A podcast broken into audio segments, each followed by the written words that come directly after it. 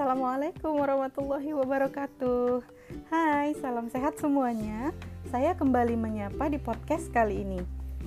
Salam kenal kembali, nama saya Nadia Ulfa Tanjung, salah satu peserta latihan dasar CPNS tahun 2021 dari Kementerian Agama Angkatan 5 Kelompok 2 dengan mentor Bapak Haji Rahman Syahri Tonga.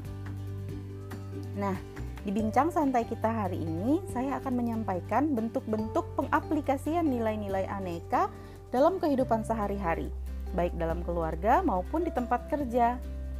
Aneka yang pertama terdiri dari A. A. Akuntabilitas.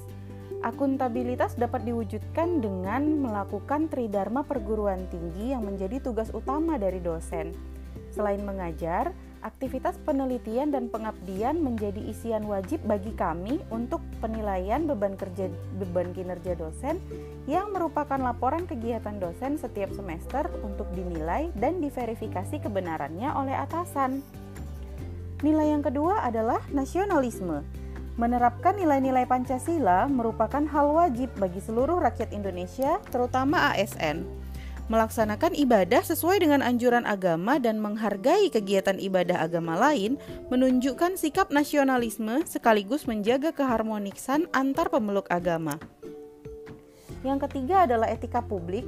Di masa pandemi Covid ini, di kampus tempat satuan kerja saya menerapkan sistem work from home dan work from office seperti yang diinstruksikan oleh pemerintah pusat. Hadir di kantor saat dijadwalkan untuk work from office dan melakukan absensi dengan GPS tracking dan swafoto pada aplikasi Siralin ketika kita bekerja dari rumah membuktikan bahwa etika publik tetap bisa dilaksanakan. Nilai yang keempat adalah komitmen mutu, di mana proses belajar mengajar yang menjadi kegiatan rutin dosen harus dipersiapkan dengan baik dan sesuai dengan kebutuhan para mahasiswa. Dengan memenuhi ketentuan tersebut, maka sebagai dosen kita dituntut untuk senantiasa menyiapkan dan memperbaharui bahan ajar yang sesuai dengan kondisi saat ini.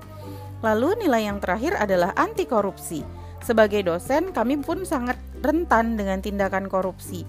Mahasiswa tak jarang memberikan hadiah dalam bentuk pakaian atau item fashion yang lain dan berharga bernilai tinggi sebagai bentuk ucapan terima kasih.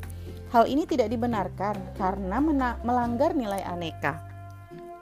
Nah, itulah tadi bentuk-bentuk nilai aneka yang bisa kita terapkan dalam menjalankan profesi dosen yang saat ini menjadi amanah dari negara bagi kita.